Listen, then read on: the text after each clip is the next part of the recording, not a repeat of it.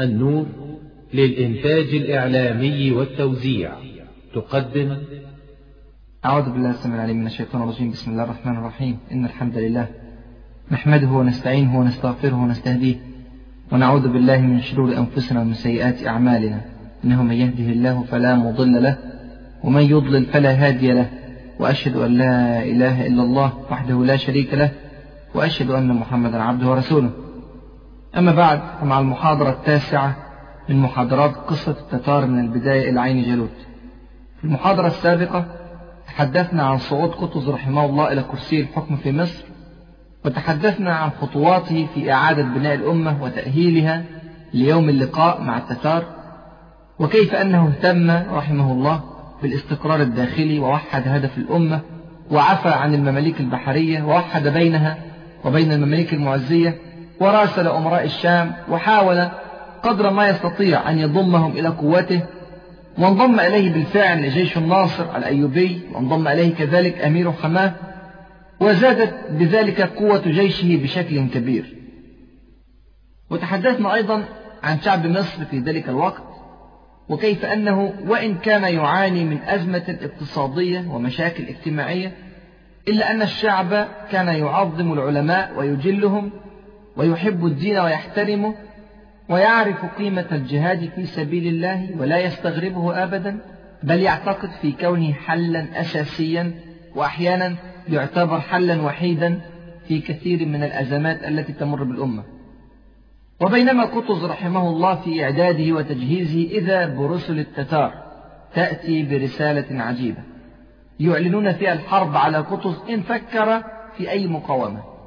ماذا قال هولاكو في رسالته إلى قطز جاءت الرسالة مع أربعة من رسل التتار تحمل تهديدا ووعيدا وإرهابا.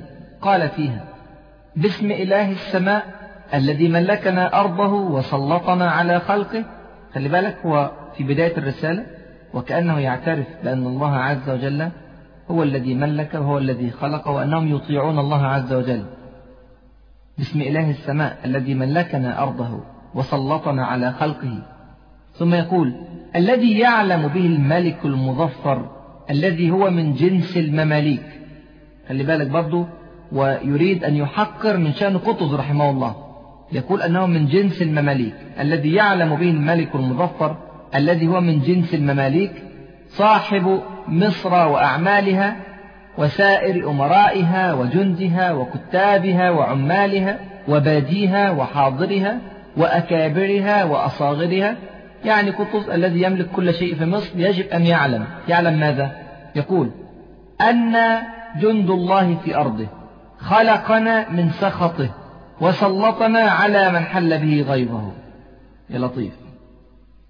فلكم بجميع الأمصار معتبر. وعن عزمنا مزدجر. فاتعظوا بغيركم وسلموا إلينا أمركم فنحن ما نرحم من بكى ولا نرق لمن اشتكى. فتحنا البلاد وطهرنا الأرض من الفساد. فعليكم بالهرب وعلينا بالطلب. فما لكم من سيوفنا خلاص ولا من أيدينا مناص فخيولنا سوابق وسيوفنا صواعق ورماحنا خوارق وسهامنا لواحق. وقلوبنا كالجبال وعديدنا كالرمال فالحصون لدينا لا تمنع والجيوش لقتالنا لا تنفع ودعاءكم علينا لا يسمع. طب وجابها منين دعاءكم علينا لا يسمع هذه؟ يقول لأنكم أكلتم الحرام وتعاظمتم عن رد السلام وخنتم الأيمان وفشى فيكم العقوق والعصيان فأبشروا بالمذلة والهوان. ثم يقول فاليوم تجزون عذاب الهون. بما كنتم تعملون وسيعلم الذين ظلموا أي منقلب ينقلبون. بيستخدم آيات من كتاب الله عز وجل وكأنه يؤمن بكتاب الله عز وجل. طبعا واضح أن الذي يكتب له الرسائل هم من المسلمين الأدباء الذين اشتراهم هولاكو عليه لعنة الله بالمال وباعوا دينهم وأوطانهم بهذا المال وكتبوا مثل هذه الرسائل المرعبة. ثم يقول هولاكو فلا تطيلوا الخطاب وأسرعوا برد الجواب قبل أن تطرم الحرب نارها وتوري شرارها فلا تجدون منا جاها ولا عزا ولا كتابا ولا حرزا إذ أزتكم رماحنا أزا وتدهون منا بأعظم داهية وتصبح بلادكم منكم خالية وعلى عروشها خاوية فقد أنصفناكم إذ أرسلنا إليكم ومننا برسلنا عليكم وهكذا انتهت الرسالة العجيبة. طبعا هذه الرسالة خلت من أي نوع من أنواع الدبلوماسية. كانت إعلانا صريحا بالحرب. أو البديل الآخر وهو التسليم المذل. ولا بد أن يكون التسليم مذلا. بمعنى أنه دون فرض أي شروط أو طلب أي حقوق. قطز رحمه الله عمل مجلس استشاري أعلى. وجمع كبار القادة والأمراء والوزراء والعلماء. وبدأوا فورا في مناقشة القضية الخطيرة التي طرحت أمامهم. الخيارات محدودة جدا إما الحرب بكل تبعاتها وإما التسليم غير المشروط. أما قطز رحمه الله فكانت القضية في ذهني واضحة تمام الوضوح. هو لم يطرح الخيارين على نفسه للتفكير خيار السلام أو الاستسلام في هذا الموقف غير وارد أبدا عنده. وهو يعلم تمام العلم أن الحقوق لا توهب بل تؤخذ. وأن الجيوش المعتدية لا تقنع بالعودة إلى بلادها أبدا بل ترغم على العودة إلى بلادها. هكذا كانت الرؤية واضحة جدا عند قطز رحمه الله. لكن الأمراء الذين اجتمعوا معه لم يكونوا على نفس الدرجة العالية جدا من الفقه والفهم. نعم لديهم حمية دينية عالية جدا ونعم يحبون الإسلام حبا جما ونعم على درجة راقية من الفروسية والمهارة القتالية لكن الاختبار صعب جدا جدا يا إخوان. كانت هائلة فعلا بين إمكانيات التتار كدولة من كوريا شرقا إلى بولندا غربا وإمكانيات مصر التي مهما زادت فهي محدودة. الفجوة كانت هائلة فعلا بين أعداد التتار وأسلحة التتار وأعداد المصريين وأسلحة المصريين.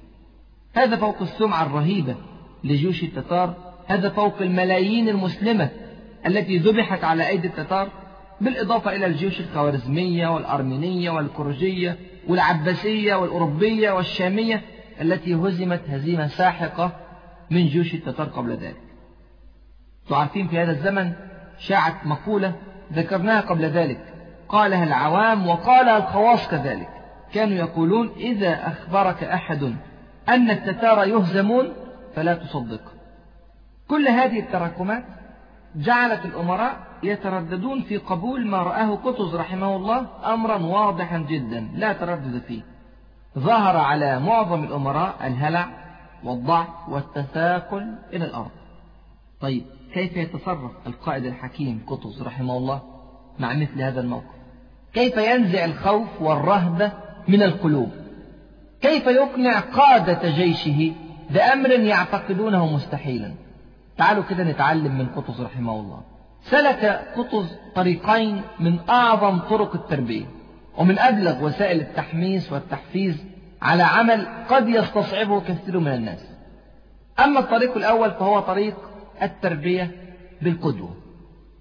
القدوة يا إخواني فعلا فعل رجل في ألف رجل خير من قول ألف رجل في رجل. فعمل إيه قطز رحمه الله؟ قال لهم في شجاعة وعزم. أنا ألقى التتار بنفسي.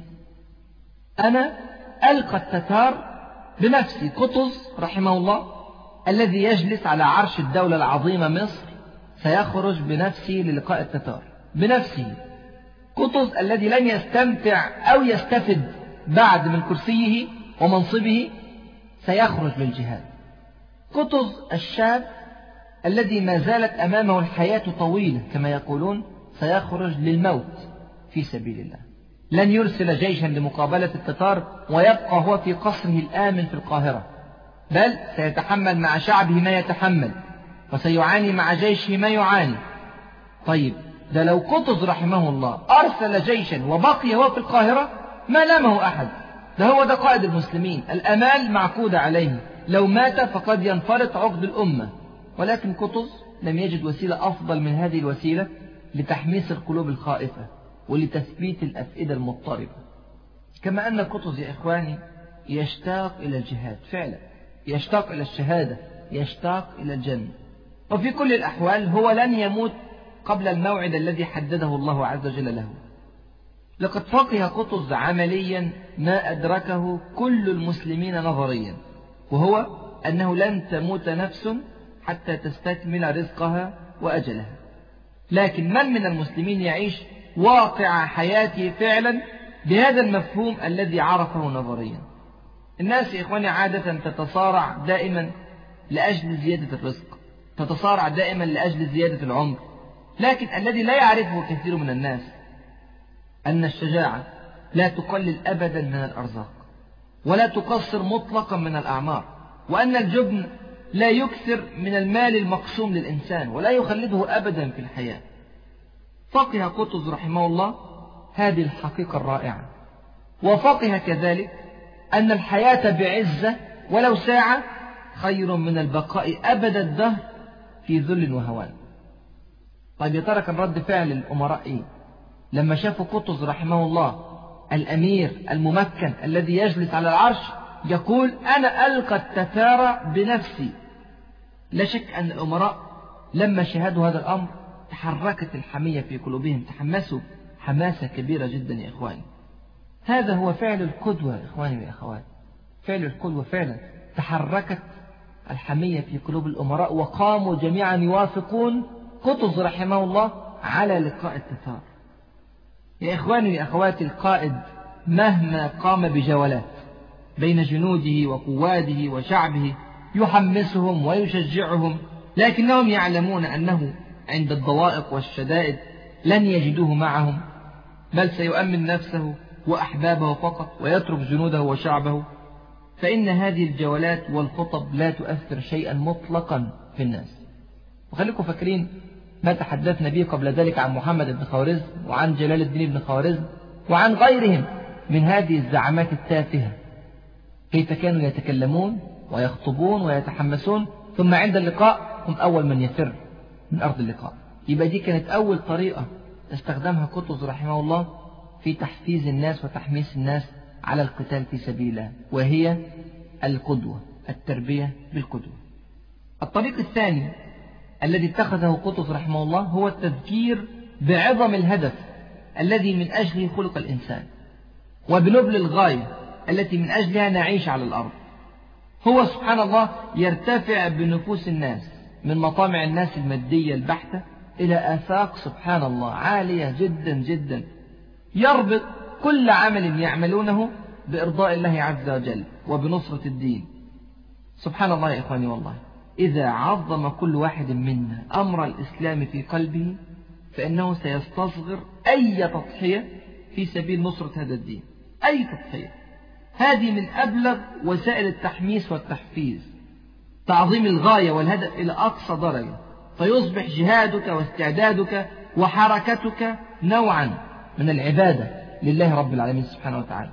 لم يحفزهم قطز بدنيا لم يحفزهم لاتباع شخص معين لم يحفزهم بقومية مصرية أو غيرها لم يحفزهم بقومية عربية أو غيرها لم يحفزهم حتى بحب البقاء في هذه الحياة والدفاع عن النفس ضد الموت بل إنه سبحان الله حفزهم على الموت. شتان يا إخواني يا أخواتي بين من يجاهد وهو حريص على أن يموت ومن يجاهد وهو حريص على ألا يموت. شتان فعلا. اسمعوا قطز قال إيه للأمراء المسلمين في هذا الاجتماع الخطير. قال لهم في صراحة يا أمراء المسلمين لكم زمان تأكلون من بيت المال. وزراء أجورهم عالية جدا. لكم زمان تأكلون من بيت المال.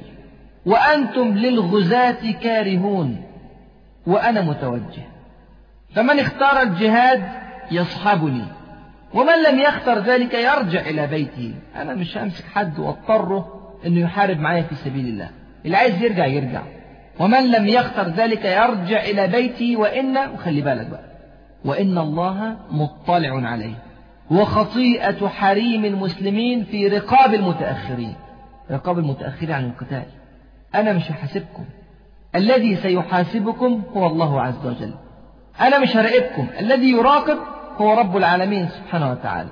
وخطيئة حريم المسلمين. يحرك في قلوبهم النخوة. وخطيئة حريم المسلمين في رقاب المتأخرين. المتأخرين عن القتال. كلام في منتهى الدقة وفي منتهى الروعة. القضية بوضوح قضية إيمان. إذا علمت أن الله عز وجل مراقب لك وخالفت فإن وبال ذلك عليك. ورسول الله صلى الله عليه وسلم يا إخواني وأخواتي لم يكره منافقا على الخروج معه للقتال أبدا. بل كان يترك الأمر على السعة عايز يطلع يطلع واللي مش عايز يطلع ما يطلعش. بل إنه إذا تخلف المسلمون المؤمنون زي ما حصل في غزوة تبوك مثلا من بعض المؤمنين فإنه كان صلى الله عليه وسلم لا يكرههم بل كان إذا ذكر له رجل تخلف قال دعوه فإن يكن فيه خير سيلحقه الله بكم وإن يكن غير ذلك فقد أراحكم منه. وهكذا فعل قطز رحمه الله. من أراد أن يخرج للجهاد في سبيل الله فليفعل. ومن أراد النقوص على عقبيه والركون إلى الدنيا فليعلم أن الله مطلع عليه. وليعلم أن حرمات المسلمين والمسلمات التي تنتهك في رقبته. وخلي بالك حاجة مهمة جدا. لا يخفى علينا الإشارة المهمة التي ذكرها قطز رحمه الله من أن هؤلاء الأمراء والوزراء قد عاشوا سنوات يأكلون من بيت مال المسلمين. بل ويكثرون من الأكل والجمع حتى فقدت وظائفهم كل معنى. لم يبق لها إلا معنى واحد هو استغلال المنصب لأقصى درجة لزيادة الثروة. من الحلال وغير الحلال على السواء. وما عدا الوزير يعتقد أنه موظف عند الشعب وليس سيدا عليهم أبدا. ما عدا يعتقد هذا الاعتقاد. ما عدا يدرك أن له حقوقا كما أن عليه واجبات. وأنه مسؤول ومحاسب من الله عز وجل ومن شعبه على كل خطوة وعلى كل درهم وعلى كل دينار.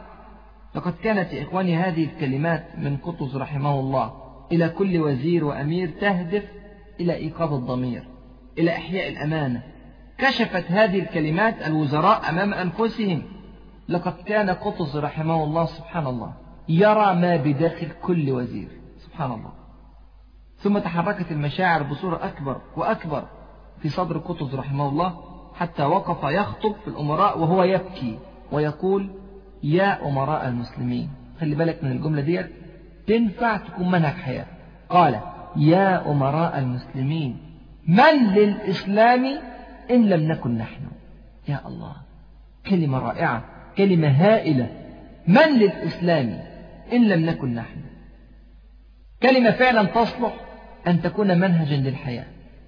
إذا قالها كل مسلم فلن تسقط أمة الإسلام أبدا أبدا. أحيانا ينتظر المسلم أن يأتي النصر من مسلمين آخرين. ينتظر أن يتحرك للإسلام فلان أو غيره. ولكن قليلا ما يفكر هو في التحرك بل كثيرا ما يقوم بعملية نقد وتحليل وتعليق على أفعال وأقوال العاملين للإسلام. أما هو فلا يتحرك. أحيانا ينتظر المسلم أن يخرج صلاح أو خالد أو قطز أو القعقاع من بيت جاره. أو من بلد آخر. ولا يفترض أن يخرج هؤلاء من بيته هو شخصيا. سبحان الله. لماذا لا تكون أنت أنت؟ صلاح الدين الأيوبي. لماذا لا تكون أنت يوسف ابن تشفين؟ لماذا لا تكون أنت نور الدين محمود الشهيد؟ لماذا؟ ليه يا إخواني؟ هؤلاء لا يزيدون ولا يقلون عن البشر شيئا إلا أنهم آمنوا بالله عز وجل وساروا في طريق الرسول صلى الله عليه وسلم. ونحن معنا كتاب الله عز وجل ومعنا نهج رسول الله صلى الله عليه وسلم. فلماذا ننتظر أن يكون التغيير من غيرنا وليس منا؟ من للإسلام إن لم نكن نحن؟ وقعت الكلمات في قلوب الأمراء. سبحان الله. عملوا إيه؟ ضجوا جميعا بالبكاء. سبحان الله. خشعت القلوب يا إخواني وأخواتي ومن خشع قلبه فيرجى منه الخير كله. وقام بعض الأمراء وتكلموا بخير. وقام البقية يعلنون موافقتهم على الجهاد وعلى مواجهة التتار مهما كان الثمن. وهكذا سبحان الله نجح قطز في خطوة هي من أصعب خطوات حياته وهي في ذات الوقت من أعظم خطوات حياته من أصعب القرارات فعلا يا إخواني ويا أخواتي قرار الجهاد. وأخذ قطز رحمه الله ومن معه قرار الجهاد. إذا مصر تعلن الحرب على التتار. هذا القرار من أخطر القرارات في تاريخ مصر مطلقا. وهذا قرار لا ينفع أن يرجع فيه القائد أو الجيش أو الشعب. قطز رحمه الله يعلم أن قلوب الأمراء وافقت تحت تأثير القدوة وتحت تأثير التذكير بالله وبالواجب نحو الإسلام لكن من الممكن لهذه القلوب أن تتردد وأن تخاف. لذلك أراد قطز رحمه الله أن يفعل أمرا يقطع به خط الرجعة تماما على الأمراء. يقطع به الأمل في الاستسلام. لا يبقي أمامهم غير الخيار العسكري فقط. فماذا فعل قطز رحمه الله؟ لقد قرر بعد أن استشار مجلسه العسكري قرر أن يقتل الرسل الأربعة. رسل هولاكو الذين جاءوا بالرسالة التهديدية. وأن يعلق رؤوسهم على باب زويلة في القاهرة وذلك حتى يراها أكبر عدد من المسلمين في مصر. هو يرمي بذلك إلى طمأنة الشعب بأن قائدهم لا يخاف التتار يرفع من معنويات الشعب بذلك كما أن هذا الرد العنيف سيكون إعلانا للتتار أنهم قادمون على قوم يختلفون كثيرا عن الأقوام الذين قابلوهم من قبل. لا شك أن هذا سيؤثر سلبا على التتار يلقي في قلوبهم ولو شيئا من الرعب أو التردد. ويبقى الهدف الأكبر لقتل الرسل الأربعة هو قطع التفكير في أي حل سلمي للقضية. الاستعداد الكامل الجاد للجهاد. بعد قتل الرسل الأربعة لن يقبل التتار في استسلام مصر حتى لو قبل بذلك المسلمون. انتهت القضية. الحرب أصبحت معلنة تماما. كان هذا هو اجتهاد قطز رحمه الله والأمراء. ومع ذلك فلنا وقفة مع هذا الحدث. أنا لا أدري إخواني وأخواتي حقيقة ما هو السند الشرعي لقطز رحمه الله في عملية القتل هذه. الحقيقة أنا أرى أنها كانت هفوة وخطأ من قطز رحمه الله وممن معه من الأمراء. الرسل في الإسلام لا تقتل. قاعدة. الرسل في الإسلام لا تقتل. لا رسل المسلمين ولا رسل الكفار ولا حتى رسل المرتدين عن الإسلام.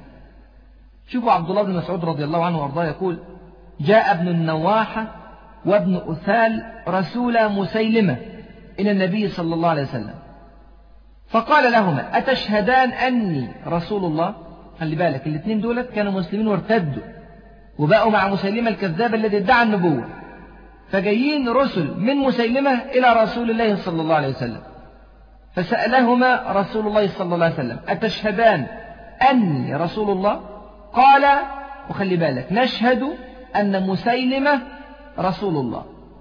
فقال رسول الله صلى الله عليه وسلم آمنت بالله ورسوله لو كنت قاتلا رسولا لقتلتكما.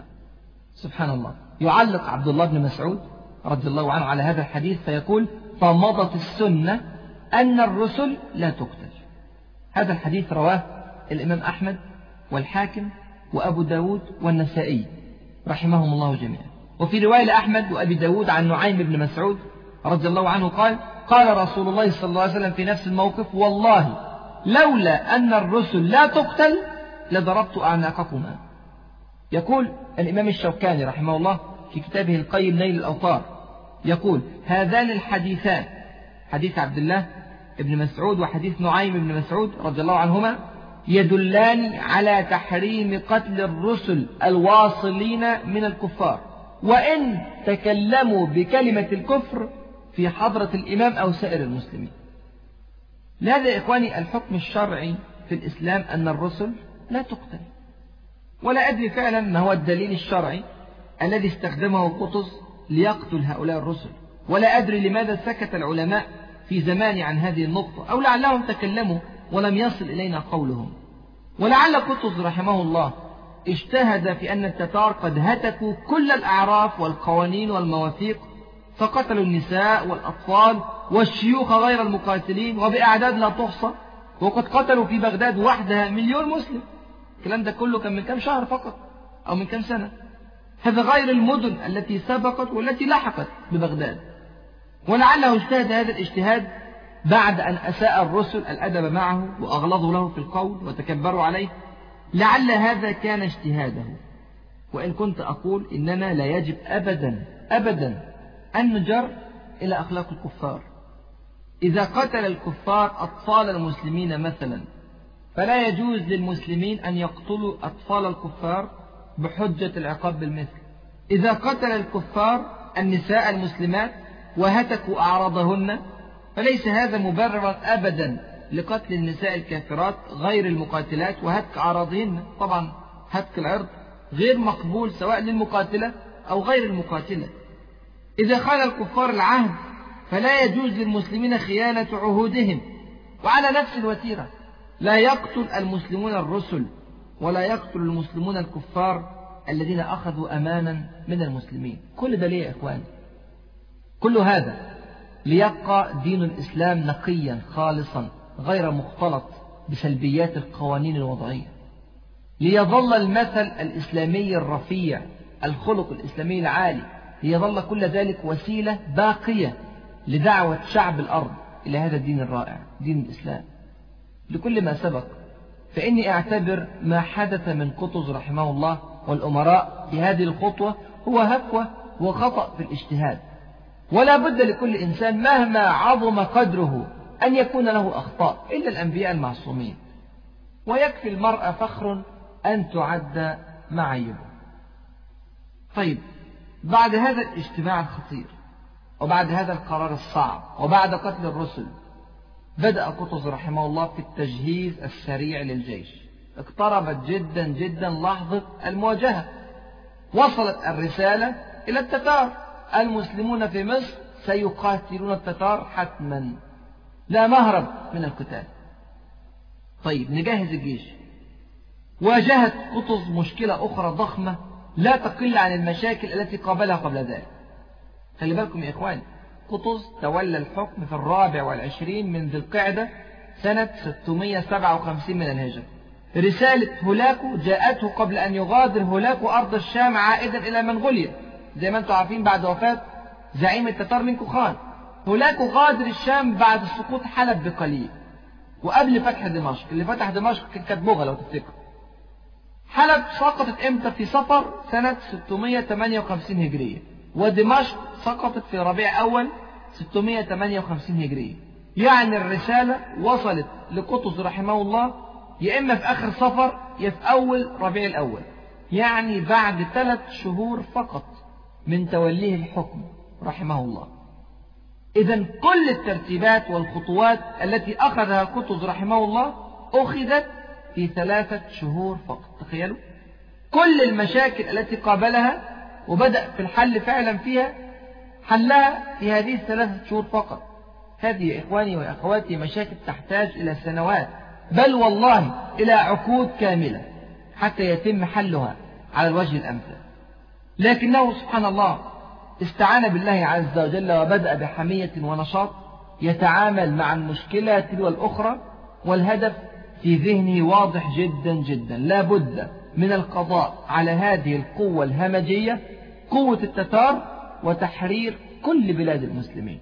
يبقى كل اللي قلناه في الدرس اللي فات من استقرار للوضع الداخلي ومن توحيد للصف ومن عفو عن المماليك البحرية ومن استقدام لهم من بلاد الشام وتركيا وغيرها ومن مراسلة أمراء الأيوبيين ومن تجميع الجيش ومن تجهيز الشعب لقضية الجهاد في سبيل الله ومن تحميس الأمراء. كل ده كل هذا المجهود في ثلاث شهور بس. سبحان الله.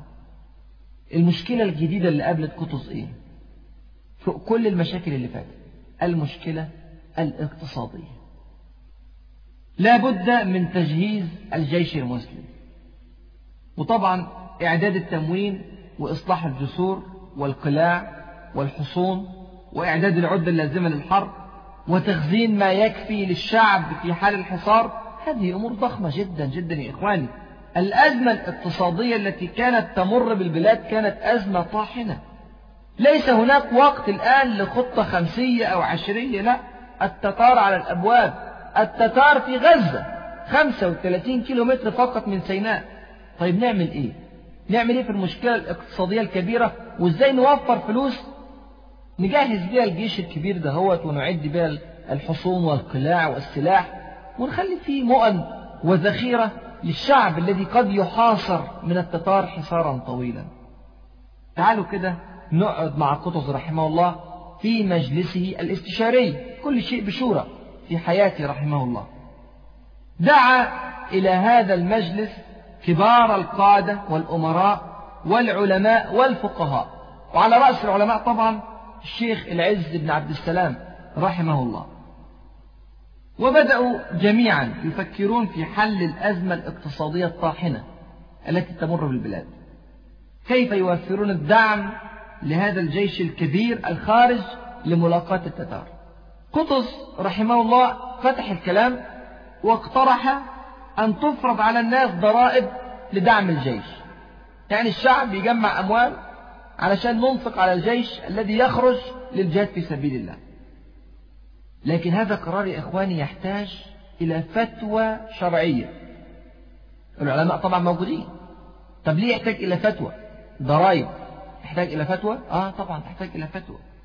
لأن المسلمين في دولة الإسلام لا يدفعون أصلا سوى الزكاة.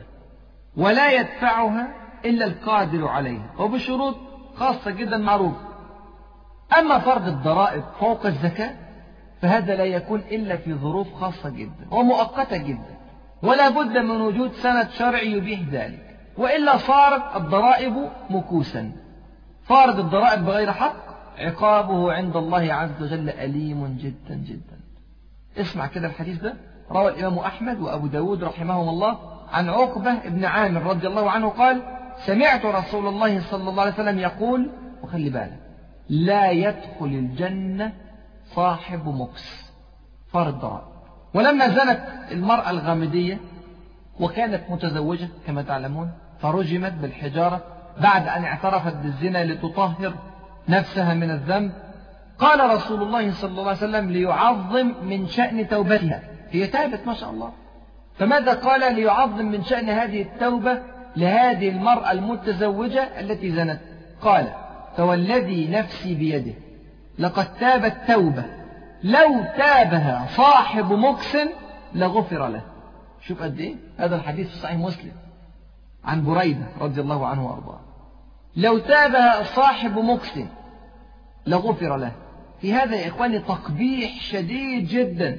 لعملية فرض الضرائب إن فرضت في غير حق وصرفت في غير حق. يقول الإمام النووي رحمه الله تعليقا على هذا الحديث إن المكس ضرائب من أقبح المعاصي ومن الذنوب الموبقات وذلك لكثرة مطالبات الناس له وظلاماتهم عنده وأخذ أموالهم بغير حقها وصرفها في غير وجهها. يبقى قطز رحمه الله بيقترح فرض الضرائب مع إن القضية كبيرة جدا جدا قضية جهاد في سبيل الله إلا أنه ينتظر رأي العلماء في هذه القضية. مع أن الغاية نبيلة ومع أن المال المطلوب سوف يجهز به جيش للقتال في سبيل الله وسيقاتلون التتار أعتى قوة في الأرض في ذلك الزمن إلا أن الشيخ العز بن عبد السلام رحمه الله كان عنده تحفظ خطير على هذا القرار. لم يوافق عليه إلا بشرطين والشرطان عسيران جدا. سبحان الله. قال الشيخ العز بن عبد السلام رحمه الله واسمعوا بقى الفتوى بتاعت الشيخ العز بن عبد السلام من أعظم علماء المسلمين. يقول إذا طرق العدو البلاد وجب على العالم كلهم قتالهم. يعني كل العالم الإسلامي وجب عليه أن يقاتل العدو. لماذا؟ لأنه احتل فعلا بلدا من بلاد المسلمين فتعين الجهاد عند ذلك. لم يصبح فرض كفاية ولكن أصبح فرض عين.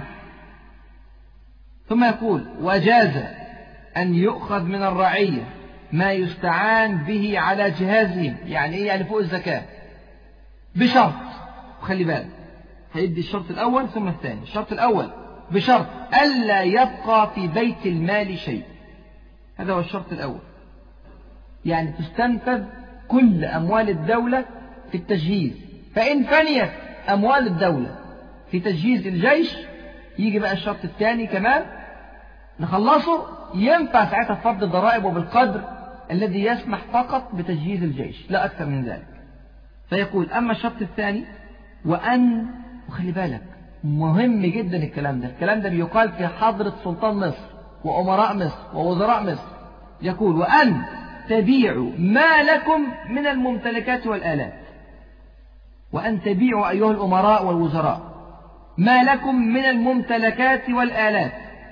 أي يبيع الحكام والأمراء والوزراء كل ما يمتلكون. ويقتصر كل منكم على فرسه وسلاحه. وتتساووا في ذلك أنتم والعامة. وأما أخذ أموال العامة مع بقاء ما في أيدي قادة الجند من الأموال والآلات الفاخرة فلا ما ينفعش. فتوى في منتهى الجرأة. يقول الشيخ العز بن عبد السلام رحمه الله لقطز ومن معه أنه لا يجوز فرض ضرائب إلا بعد أن يتساوى الوزراء والأمراء مع العامة في الممتلكات. ويجهز الجيش بأموال الأمراء والوزراء. فإن لم تكفي هذه الأموال جاز هنا فرض الضرائب على الشعب بالقدر الذي يكفي لتجهيز الجيش وليس أكثر من ذلك. وسبحان الله. إن كانت هذه الفتوى يا إخواني وأخواتي عجيبة في جرأتها فاستجابة قطز رحمه الله كانت أعجب من الفتوى. قبل قطز رحمه الله كلام الشيخ العز بن عبد السلام ببساطة. قبل كل كلمة من كلماته رحمه الله. فبدأ بنفسه فباع كل ما يملك. تخيلوا سلطان مصر. باع كل ما يملك رحمه الله. وأمر الوزراء والأمراء أن يفعلوا ذلك فانصاع الجميع. وتم تجهيز الجيش المسلم بالطريقة الشرعية. من أموال الوزراء والأمراء وما احتاجوش يفرضوا ضرائب على الشعب. سبحان الله سبحان الله اكتشف المسلمون في مصر اكتشافا عجيبا. اكتشفوا أن مصر غنية جدا جدا. البلد مش بلد فقير. اكتشفوا أن البلد بها أموال ضخمة برغم الأزمة الاقتصادية الطاحنة. امتلأت جيوب كثير من الوزراء والأمراء بأموال البلد الهائلة. أصبحت ثروات بعضهم تساوي ميزانيات بعض الدول.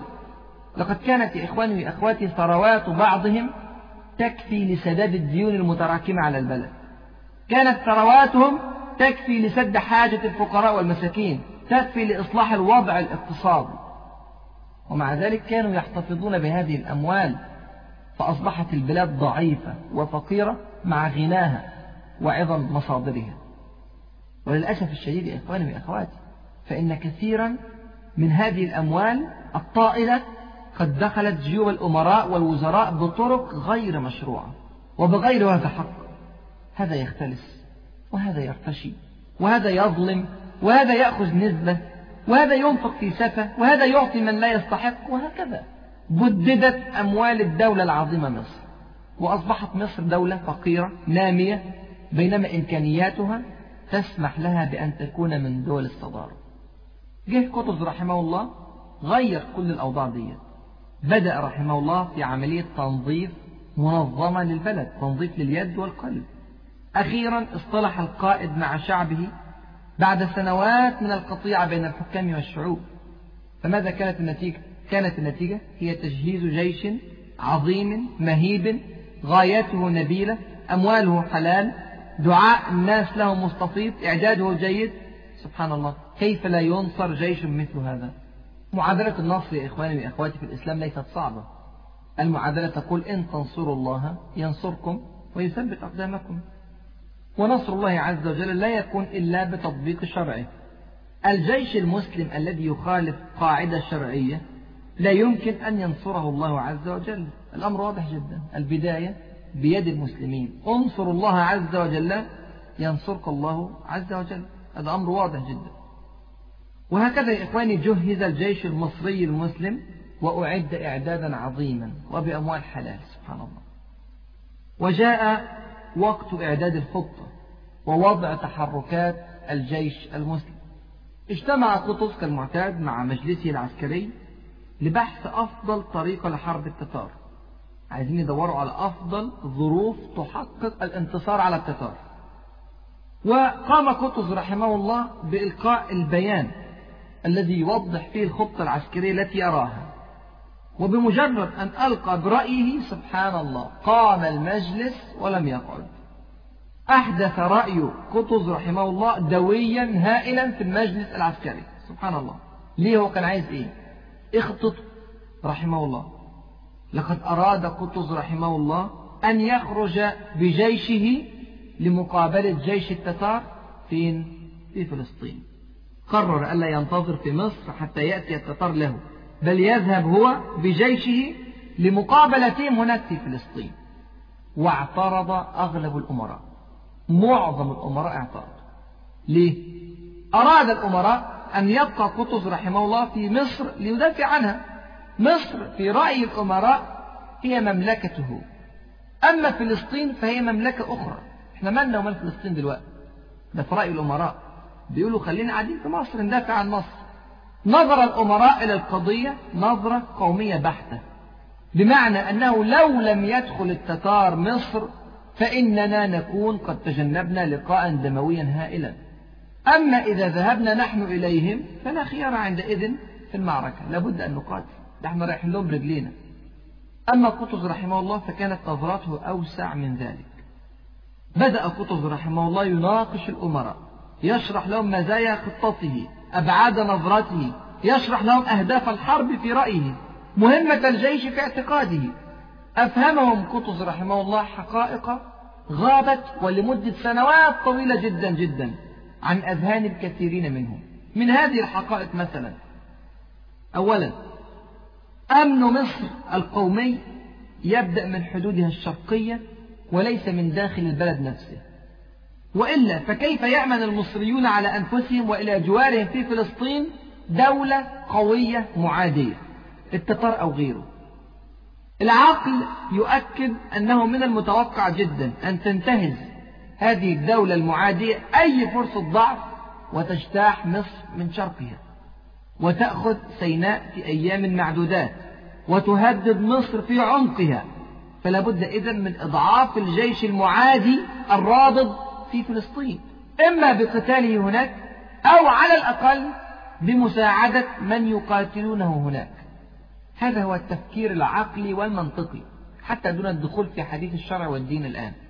ثانيا من الأفضل عسكريا أن ينقل قطز رحمه الله المعركة إلى ميدان خصمه. ذلك سوف يؤثر سلبا لا محالة على نفوس أعدائه. كما أنه سيجعل له خط رجعة إذا حدثت هزيمة للجيش المسلم. لو أنا اتغلبت في فلسطين عندي فرصة أرجع في مصر.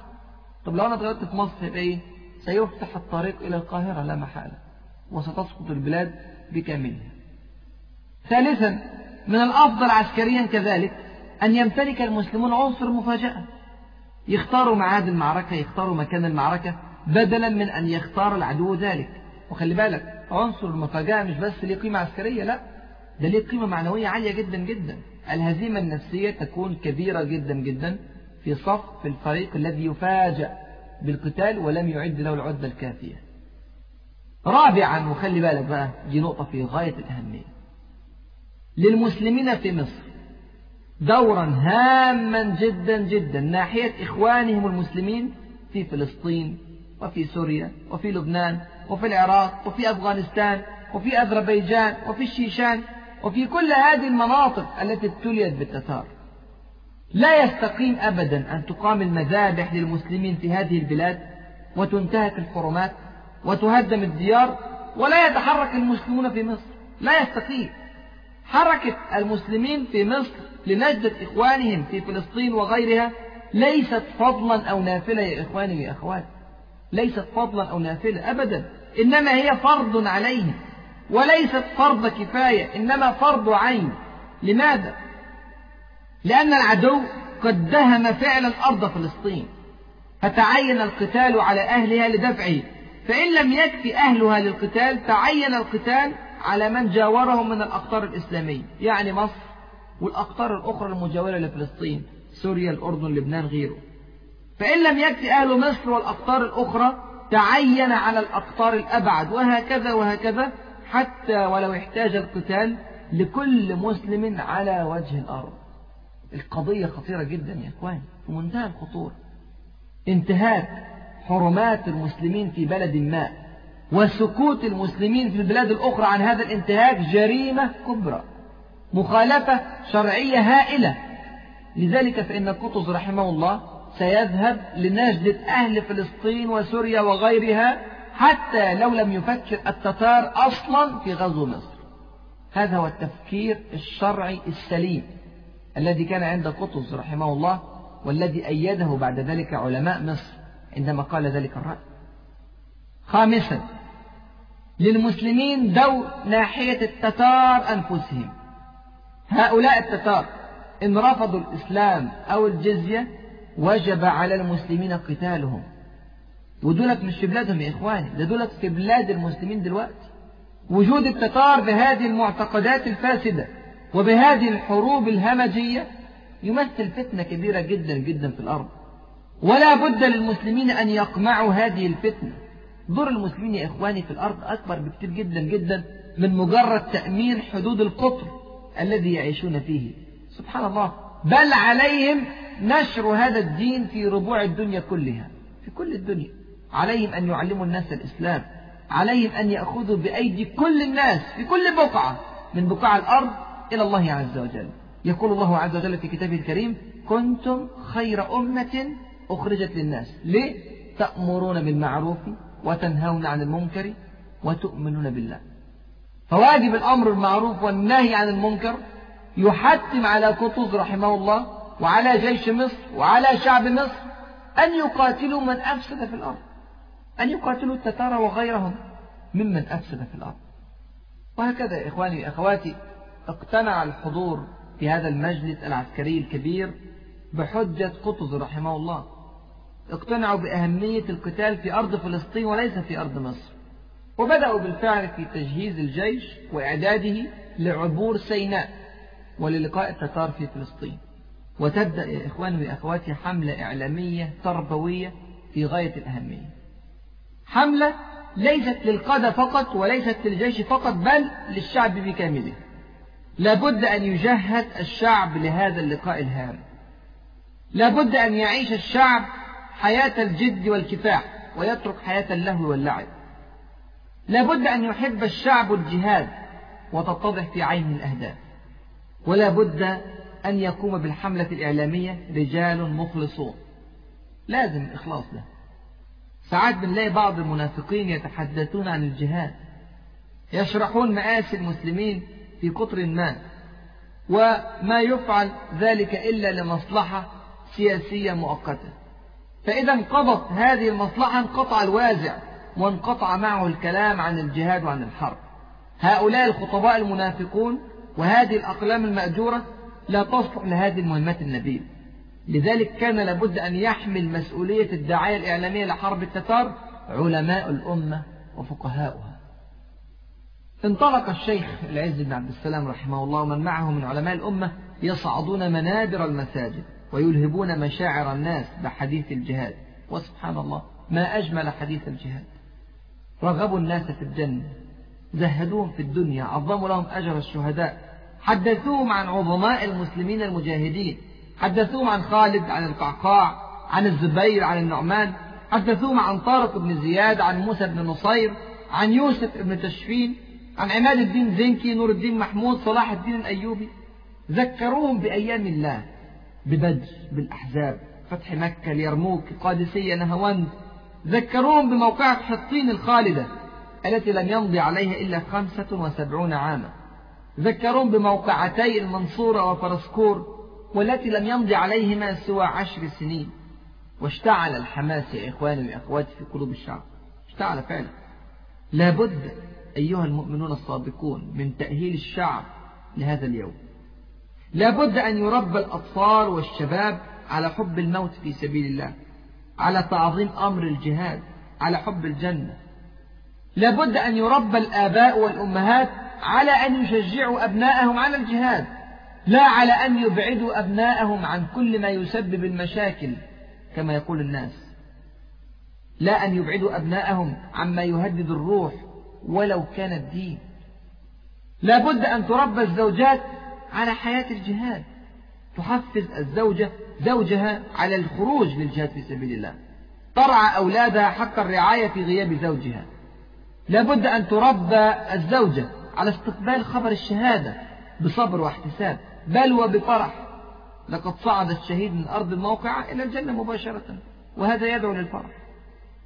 إعداد الشعب اليوم الجهاد مهمة عظيمة جدا وهي ليست سهلة أو بسيطة أبدا صعبة جدا تحتاج إلى مجهود كبير تحتاج إلى مناهج مكثفة لإخلاص عميق تحتاج لوقت قد يكون طويلا. وبدون هذا التأهيل لن يصبر الشعب أبدا على حياة الجهاد ولا حياة الحروب ولا حياة الحصار. الأمر يا إخواني ويا أخواتي في غاية الجدية. ليس هناك وقت للترفيه ولا للعب ولا للمزاح. مش معنى كده ان الترفيه واللعب والمزاح بالضوابط الشرعية؟ حرام لا. لكن حياة الأمة المجاهدة تختلف كثيرا عن حياة غيرها من الأمم. نحن يا إخواني ويا أخواتي أمة جادة. فيها شيء من الترفيه ولسنا أمة لاهية فيها شيء من الجد.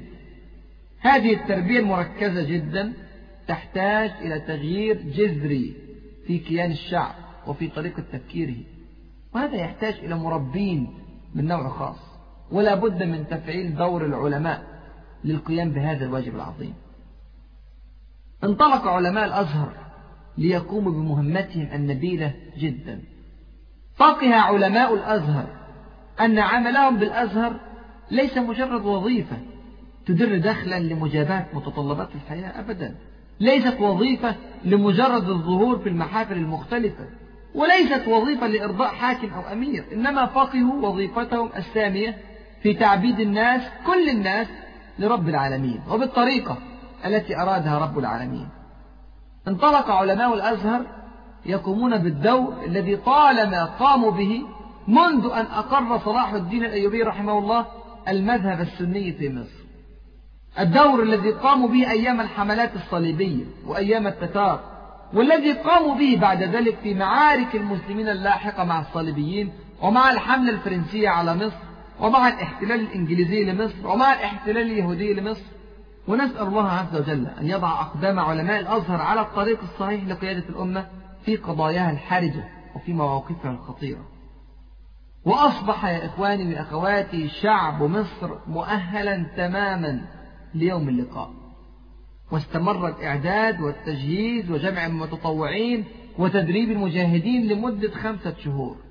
من شهر ربيع الأول سنة 658 هجرية عندما جاءت الرسالة من هولاكو وإلى نهاية شهر رجب من نفس السنة خمس شهور. طيب في أثناء إعداد هذا الجيش وفي هذه الشهور الخمسة ظهرت أيضا مشكلة جديدة أمام قطز رحمه الله. مشاكل كثير جدا يا إخواني جهاد صعب المشكلة الجديدة إيه؟ طبعا هي مش جديدة هي قديمة جدا جدا لكن لابد أن تحل في هذا الوقت. هذه المشكلة هي أن هناك أجزاء ليست بالقليل من فلسطين ولبنان وسوريا وبالذات على ساحل البحر الأبيض المتوسط محتلة من قبل الإمارات الصليبية. كانت هناك إمارات صليبية في عكا وحيفا وصيدا وصور وبيروت واللاذقية وأنطاكيا وغيرها وغيرها. كانت أقوى هذه الإمارات مطلقا هي إمارة عكا في فلسطين. وهذه الإمارة تقع في طريق قطز رحمه الله إذا أراد أن يحارب التتار في فلسطين. طيب يعمل إيه قطز رحمه الله؟ مع الصليبيين في عكا تعالوا كده نفكر مع قطز رحمه الله. أولا الصليبيون أعداء الأمة كما أن التتار أعداء الأمة. بل إن الصليبيين كما أشرنا قبل ذلك أشد خطرا على الإسلام من التتار. ليه؟ حروب التتار حروب همجية ليست لها جذور ولا أهداف ولا قواعد مجرد التدمير لا شيء غير التدمير. أما المشروع الصليبي في أرض الإسلام فهو مشروع مختلف. الصليبيون يحاربون المسلمين حربا عقائدية والكراهية شديدة في قلوبهم للمسلمين وتخطيطهم لحرب الإسلام نفسه بيحاربوا الإسلام لذات الإسلام. التتار لا التتار بيحاربوا أي بشر وأي حضارة. المشروع الصليبي فوق أنه يحارب الإسلام لذاته المشروع الصليبي يهدف إلى الاستيطان في بلاد المسلمين. إحلال النصارى مكان سكان البلد المسلمة الأصلية سواء في فلسطين أو في سوريا أو في لبنان أو في غيرها. وشتان يا إخواني يا أخواتي بين احتلال الشعوب واحتلال الجيوش. الجيوش التترية ما لها أبدا في المستقبل إلا أن تغادر البلاد. لا محالة سيغادرون. أما الشعوب وليست الجيوش بقى الشعوب الصليبية المستوطنة جاءت لتعيش في هذا المكان. فكون الصليبيين يحاربون من منطلق عقائدي وكونهم يحاربون ليستوطنوا في البلاد وليعيشوا فيها يجعل خطورتهم أكبر من خطورة التتار. مع أن الحروب التترية في ظاهر الأمر أشد فتكا وأكثر تدميرا من حروب الصليبيين. لكن طبعا كلاهما مر. فقطز رحمه الله يعلم أن الصليبيين أعداؤه كما أن التتار أعداؤه. ولا بد أن يوضع هذا في الحسبان. يبقى أول شيء أنا عارف أن الصليبيين دولت أعدائي زي ما التتار أعداء الأمر الثاني تاريخ التعاون الصليبي التتري قديم. التتار رغبوا في بلاد المسلمين عن طريق الصليبيين كما تذكروا من أيام جنكيز خان. والنصارى الصليبيون هم الذين ساعدوا هولاكو في إسقاط بغداد وفي احتلال مدن الشام. وما تحالف التتار مع الأرمن والكرج وأنطاكيا ببعيد. رأينا كل ذلك. فوارد جدا جدا أن يصل التتار إلى تحالف استراتيجي خطير مع الصليبيين في الإمارات الصليبية في فلسطين والشام. يبقى دي نقطة ثانية مهمة جدا. يبقى أول نقطة قطز رحمه الله يعلم أن الصليبيين أعداؤه كما أن التتار أعداؤه. والنقطة الثانية أنه محتمل جدا جدا أن يصل التتار إلى تحالف مع الصليبيين في الإمارات الصليبية في فلسطين. طيب النقطة الثالثة في تفكير قطز رحمه الله مهمة جدا. يقول إيه؟ مع كون هذا التحالف الصليبي التتري أمر وارد إلا أن قطز رحمه الله كان يعلم أن الصليبيين في عكا يكرهون التتار تماما كما يكرهون المسلمين. وهم لا يكرهونهم فقط بل يخافون منهم كذلك. لأن التتار لا عهد لهم. ممكن يتفقوا اليوم على شيء وبكرة يخلفوه. ومذابح التتار الجماعية مشهورة. وفضائعهم في شرق أوروبا وفي روسيا النصرانية كثيرة جدا ولا تنسى. وأعداد النصارى الذين قتلوا على أيدي التتار لا تحصى. هذا كله بالإضافة إلى الحقد الصليبي الرهيب على هولاكو لأنه فرض كما ذكرنا في درس سابق بطريركا أرثوذكسيا يونانيا على كنائس أنطاكيا الكاثوليكية الإيطالية.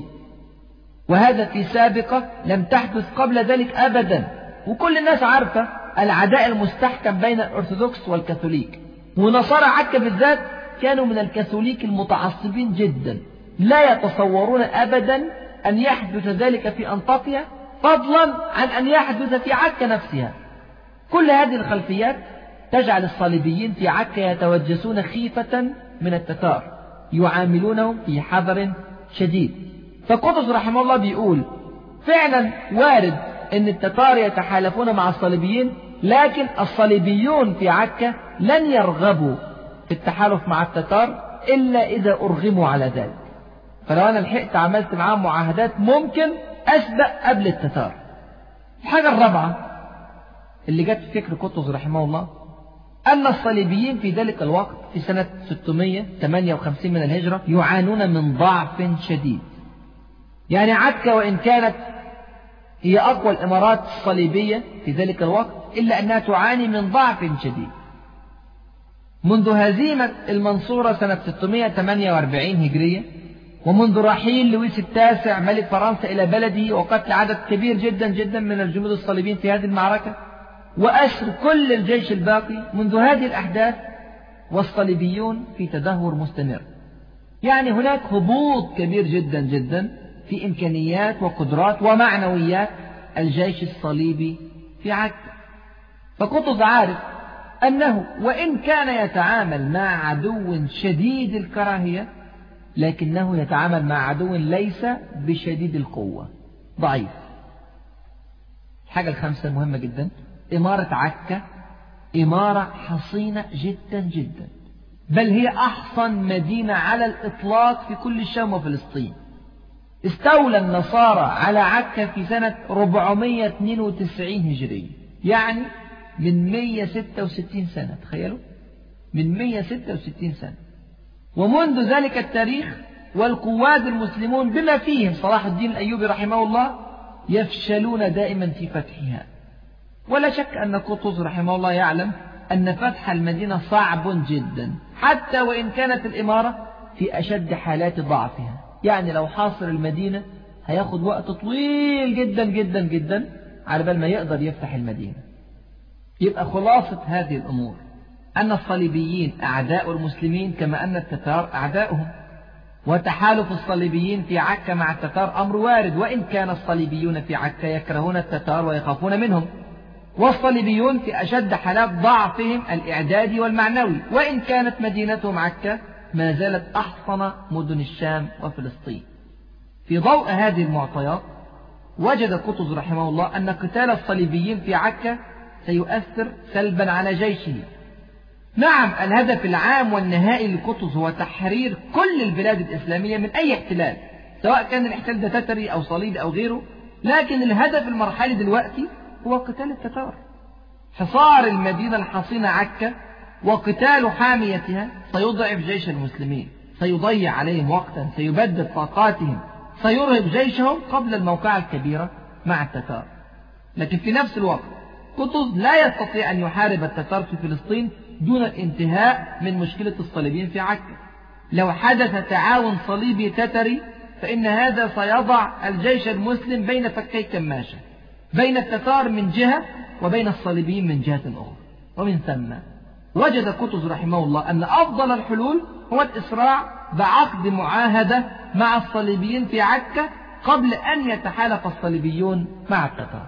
وبالفعل أرسل قطز رحمه الله سفارة سريعة جدا جدا إلى عكا للتباحث في إمكانية إقامة هدنة سلام مؤقتة بين المسلمين والصليبيين.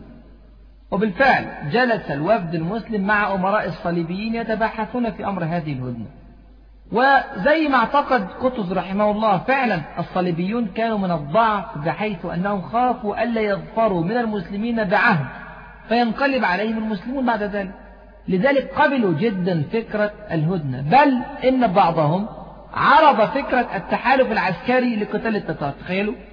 لكن هذه الفكرة لم تجد موافقة عند قطز رحمه الله. ليه؟ خاف من خيانة الصليبيين أثناء القتال وبالذات أن جيش التتار متعاون مع بعض ملوك النصارى زي ملك أرمينيا وملك الكرج وأمير أنطاكيا. وقائد التتار نفسه دلوقتي نصراني كاتبه. لذلك لم يعمل قطز رحمه الله في عقد تحالف عسكري مع الصليبيين ولكن فقط هدنة مؤقتة. ولا بد أن تكون مؤقتة تنتهي بانتهاء حرب التتار. لأنه ليس من المقبول شرعا أن يقر المسلمون بسلام دائم مع مغتصب للأرض الإسلامية وليس من الشرع أن يعترف المسلمون بدولة صليبية أو غيرها فوق الأرض الإسلامية مهما تقادم الزمان عليهم في احتلال الأرض أو استيطان الأرض.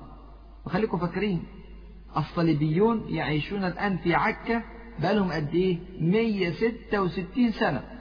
يعني هناك أجيال كاملة ولدت وعاشت وماتت في عكا ومع ذلك لم يعترف قطز أبدا بأحقية هؤلاء المغتصبين في الأرض الفلسطينية المسلمة. المهم عاهد قطز رحمه الله الصليبيين على عدم القتال وعلى الهدنة المؤقتة لمدة معلومة وعلى أن يمدوا الجيش المسلم بالمؤن والطعام أثناء تواجد الجيش المسلم في أرض فلسطين ووافق الصليبيون على ذلك.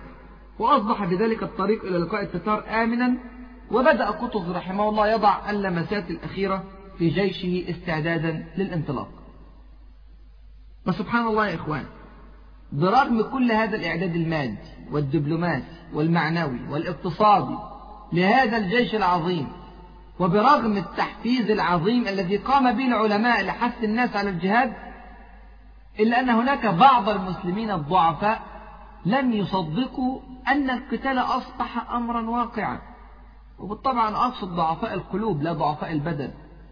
فطول هذه الفترة السابقة كان هؤلاء الضعفاء يعتقدون أن هذه مجرد نفرة حماسية. سوف تهدأ الأمور بعدها. مش مصدقين أن ممكن يكون فعلا في قتال مع التتار.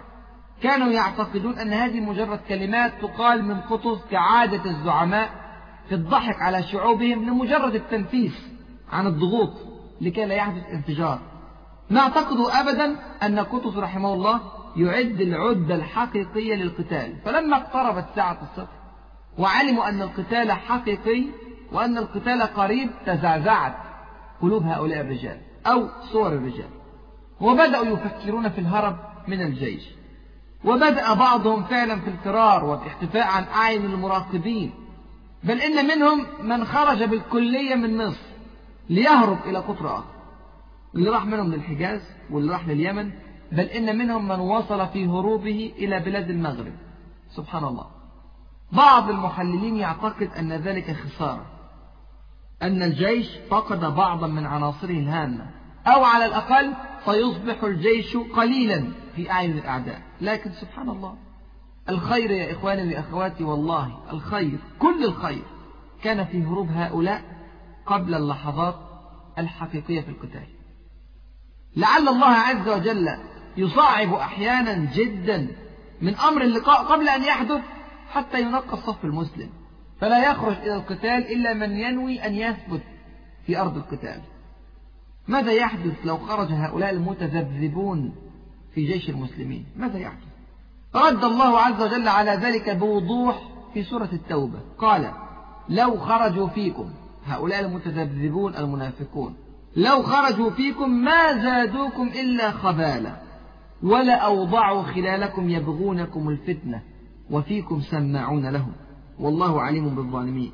هؤلاء المذبذبون لو خرجوا في الجيش المسلم لأضعفوا قوته. لبثوا فيه الاضطراب والقلق. تارة عن غير عمد بخوفهم وجبنهم وتارة عن عمد بغية إثارة الفتنة. المشكلة الأكبر أن بعض المسلمين الصادقين كما قال ربنا في كتابه وفيكم سماعون لهم. بعض المسلمين الصادقين سيستمعون له سيتشككون سيقتنعون بكلامهم. وهذه مصيبة كبيرة جدا جدا. لذلك خروج هؤلاء من الصف في هذا الوقت المبكر كان مصلحة كبيرة جدا جدا للجيش المسلم وبذلك طهر الجيش المسلم وأصبح نقيا خالصا. كل من خرج في عين جالوت يعلم أنه سيلقى التتار ويتمنى. أن يموت شهيدا في سبيل الله. وهذا جيش لا بد أن ينصر. وبدأ تجمع هذا الجيش المسلم في معسكر الانطلاق. المعسكر ده كان في منطقة الصالحية في محافظة الشرقية الآن. طبعا منطقة صحراوية واسعة تستوعب الفرق العسكرية الضخمة التي تأتي من كل مكان. وكانت نقطة الانطلاق للجيش المصري المتجه إلى الشرق. واتجمعت بالفعل الفرق العسكرية من معسكرات التدريب المنتشرة في القاهرة والمدن الكبرى. ثم أعطت قطز رحمه الله إشارة البدء والتحرك في اتجاه فلسطين. ترى كيف عبر الجيش المسلم سيناء؟ وماذا فعل في أرض فلسطين؟ وما موقف الصليبيين في عكا؟ ثم ماذا حدث مع التتار في الموقعة الهائلة عين جالوت؟ ما هي تفصيلات المعركة؟ ما هي خطة قطز رحمه الله؟ ما هو رد فعل التتار؟ ما هي نتيجة هذه الموقعة الخالدة؟ هذا ما سنعرفه وغيره إن شاء الله في المحاضرة القادمة وأسأل الله عز وجل أن يجعل لنا في التاريخ عبرة. فستذكرون ما أقول لكم وأفوض أمري إلى الله. إن الله بصير بالعباد. السلام عليكم ورحمة الله وبركاته. مع تحيات النور للإنتاج الإعلامي والتوزيع.